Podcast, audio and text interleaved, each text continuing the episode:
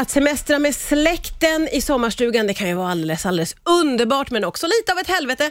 Dagens gäster har skrivit boken Sommarstugan, konsten att överleva sommaren med släkten. Välkomna hit säger jag till Björn Öberg och Anna Bennick. Hej! Hej! Hej. Vad roligt att ni är här. Hur kom det sig att den här boken blev av, måste jag ju få börja med här nu. Eh, ja, jag kanske ska börja. Jag gjorde en, eh, var med och skapade en tv-serie på TV4 som heter Sjölyckan. Och I det arbetet så kände jag att det blev en komedi där. Jag hade kanske först tänkt dramakomedi, men det blev komedi och då skämtar man sig förbi alla de här situationerna, som det också finns en hel del allvar i och som jag tänkte, jag är ju bokskribent huvudsakligen, att det vore kul att göra någonting av det här. Ja. Och ta några av de här ro, roliga exemplen, gräva lite djupare i dem, gestalta dem och så ha någon vettig, kunnig människa som kunde analysera vad som sker under den här ytan. Och denna vettiga, kunniga människa är då Anna Bennick, som jag lärde känna via min fru. Ah. Ja. Ja, för det är ju eh, upplagt så att vi får följa eh, familjen Hallmar eh, och vi får liksom gå igenom några typiska situationer och sen så kommer det också ju en kommentar från psykologen. Det är Anna. Ja, Eh, exakt. Så det är en, ett väldigt spännande upplägg måste jag säga på den här boken. Känns nytt.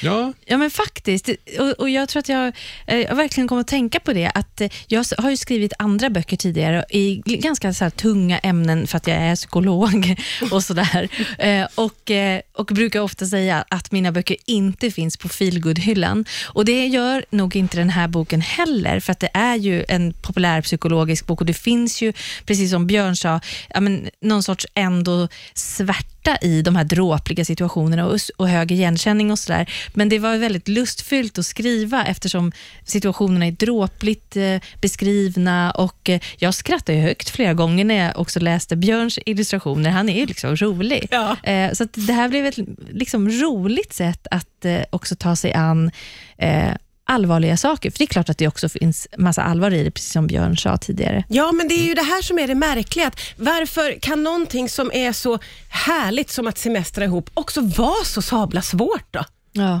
för att det är jätte, jättesvårt att leva nära andra Ja, det människor. är ju det eviga människor, människor är skitjobbiga. Det, är liksom, det går inte att komma ifrån. Och sen också det faktum att vi bråkar ju mest med dem vi har närmast in på oss, för att vi känner oss tryggast där, alltså syskonen. eh, Och direkt så drar man igång på gamla, någon behöver bara lyfta lite på ett ögonbryn så blir den andra arg. Alltså det Ja. sitter ju lite i ryggrad, gamla eh, familjekonflikter och vad man irriterar sig på och sådär. Ja. Så att det kan vara Mm. Eh, bland annat det som gör att det är svårt. Och så liten yta. Ja. Vi är inte vana vid att leva in på varandra så där mycket. Ja, Just det, och det kanske blir under lång tid eller längre tid än vad man hade tänkt sig och så vidare. Ja, just det. Det kan, kan ju vara sådana saker. Vilka är de vanligaste stötestenarna skulle ni säga då? Eh, men det är ganska praktiska grejer ofta. Vem bor i vilket hus? Vilket är det bästa hus? Om det finns friggebodar, Mm. attefallsstugor och sådär. Hur länge är man där? Vilka veckor är man där? Om man har någon form av uppdelning. Skulle jag säga. Och, och sen ja, praktikalitet, mat. Vad äter man? När äter man? Regler. Ja. Hur mycket får era barn spela, titta på TV? Hur mycket får våra? Det där med regler är Ja. ju jättespännande, för det finns ju ofta tydliga regler. Sen finns det ju också eh, ofta lite outtalade regler. Hur förhåller man sig till det? Ja, det är, det är ju en utmaning att förhålla till, sig till sånt som inte är uttalat förstås. Eh, och precis som du säger, väldigt vanligt. Och Jag tror att det, det där är en ganska eh, vanlig sak, att vi tänker oss också att vi, vi vet vad andra tänker. Eh, när vi har en förväntan på hur någonting ska bli så tänker vi att, ja, men att de andra tänker ungefär som vi också. Och Sen så tror jag också vi gör misstaget att tänka och säga, ja, men vi är ju allihopa vuxna människor. Om det händer någonting så tar vi väl det på plats. Då reder vi ut det längs vägen och så vidare. Och Ja. Sen är det jättesvårt att reda ut de där sakerna när man redan är förbannad och irriterad sedan två veckor tillbaka Ja. och eh, tycker olika som varandra och är också orolig för att förstöra den där stämningen som ändå, det ska ju ändå vara väldigt härligt och vi är alla på semester och ska vi bråka då? Ja. Eh, så att, så vuxna är vi ju inte. Ja, men och det är väldigt mycket i det där du säger nu. Eh, dels att man ska ha det väldigt mysigt och härligt. Man ska grilla och dricka vin hela tiden. Det ska vara så himla eh, mysigt. Och sen det faktum att man befinner sig i sin familj eller med sin släkt gör ju också att, eller jag vet inte om det är bara jag, men då upplever jag att det är svårt att säga, nej hörni, Nu tycker jag vi snackar om det här. Det Ja. tillfället kommer inte så jättenaturligt tycker jag. Nej, det brukar det inte göra. Och Det är ju mycket svårare i, i stunden när man står där och har lite på, stresspåslag och ska säga någonting, än att tänka det innan eller efter också.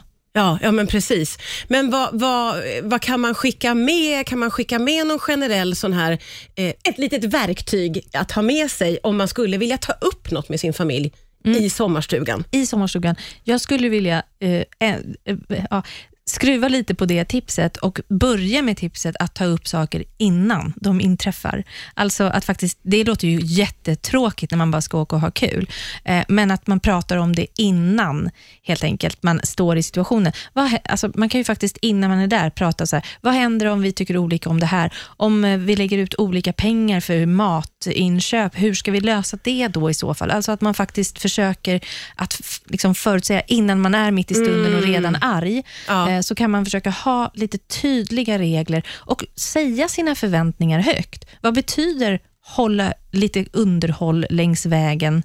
Det kan betyda renovera hela tiden eller byta tak var tionde år, ja, Ja. om man inte säger det högt. Så, det, så tror jag. Mm, och så lite sådana här praktiska tips. Bråken blir ofta kring ekonomi Ja. och arbete, arbetsinsats och den här orättvisa känslan Ja, ja, som det. härjar bland syskon. Går tillbaka till bar, barn, barndomen tror Ja. jag. Mycket. Men de kan man ju mota i grind ganska lätt genom att säga att nej, men istället för att den som råkar handla får stå för notan, så samlar man alla kvitton och så delar man efter sommaren. Man inför matdagar, man ansvarar för en dag istället för att tio pers ska springa omkring och förbereda frukost, lunch, middag Ja. alla hela tiden. Utan Ja. Låter lite tråkigt, men sätta lite system på det hela. Det låter så eh, klokt, Björn. Var har du fått det där ifrån? Eller hur? Eller hur? Ja, men Alltså, dels- inte från mig vill jag säga nu, utan det är faktiskt från din egen sommarstuga. Det är från din egen Ja, sommarstuga ja, ja, som du har kommit fram till det här. Och, och från min frus sommarställe i Ja. Helsingfors skärgård. Där är de ännu fler än vad vi är, så där blev det av nöden tvunget att hitta någon, någon form av system. Det är en slags skillnad på att vara i sin egen familjs gamla sommarställe och att kanske komma som eh, den som är liksom ingift eller ny som pojk eller flickvän. Vad är det för Mm. skillnad på de här två tycker ni?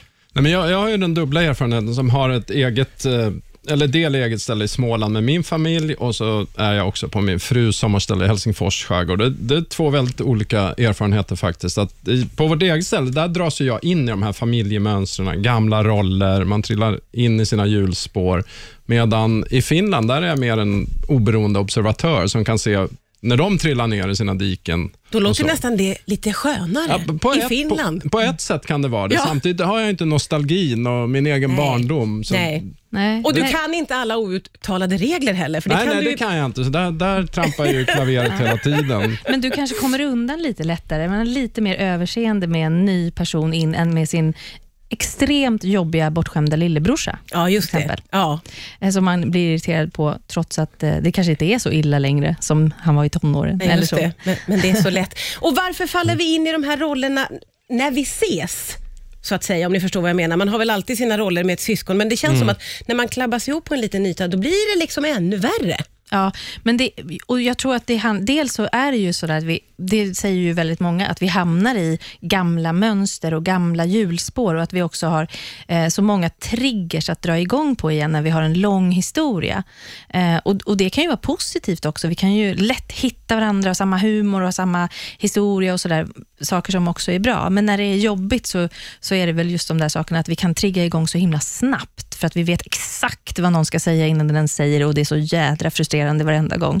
eh, men sen är det väl också så att vi är ju inte heller vana vid att leva på det där viset på varandra. Och Det tror jag märks ganska mycket också nu i eh, den här pandemitiderna när vi har varit hemma mycket mer. Med, alltså att det är ju väldigt många som ställer sig frågan, så här, men har vi det verkligen bra? Jag kanske måste skilja mig nu. Jag orkar inte höra min man ens andas längre. Har jag fått höra exempel på på Nej, terapimottagning. Att man blir så trött. Sådär. Och, Ja. eh, och så kan det också vara sen, att det, är påfrestande för att vi är vana vid att ha mer luft mellan våra eh, eh, relationer. Ja. Vi pratade ju lite innan här om att det kan vara smart att göra upp reglerna inför sommarstugeresan. Eh, och då var det vissa grejer som ekonomi och sådana saker som är otroligt smart och där jag förstår att det kan vara ganska enkelt att göra upp regler. Sen finns det ju vissa zoner som är svårare tycker jag, som till exempel att vissa vill hålla på och måla hela jädra dagarna och andra vill ligga och sola. Alltså hur gör man upp ett sånt regelverk? Jo, men där har jag ett jättebra exempel. För det, och det, har jag, det här har jag försökt införa på vårt ställe i Ja. 15 år, utan framgång. Men jag har en Utan kompis som gör det här. Och de, de kör något som heter arbetshelger. Då bestämmer man, följer man Annas råd här och bestämmer innan. Nästa år måste vi lägga om taket. Det är nästa års projekt. Och. Då samlar man ihop hela släkten till en arbetshelg och så gör man det då. Och De då som älskar att sätta på sig blåställ under semestern och jobba hela semestern, de får göra det. Ja. Och De som älskar att ligga i hängmattan gör det, för då har man gjort det man ska. Det där är ju ett väldigt Eller bra tips som jag tror att många kan ha med sig verkligen. Eh, Jag måste säga att det är en superfin bok, eh, Sommarstugan, konsten att överleva sommaren med släkten. Kan bli en sån liten handbok som alla får ha lite undangömda då i sin sommarstuga. Ja, eller på bordet, det är så fina bilder i Ja, den. den är väldigt fin. Den är väldigt fin. Tack båda två för att ni kom till Rix FM idag, Anna Bennick och Björn Öberg. Tack så mycket.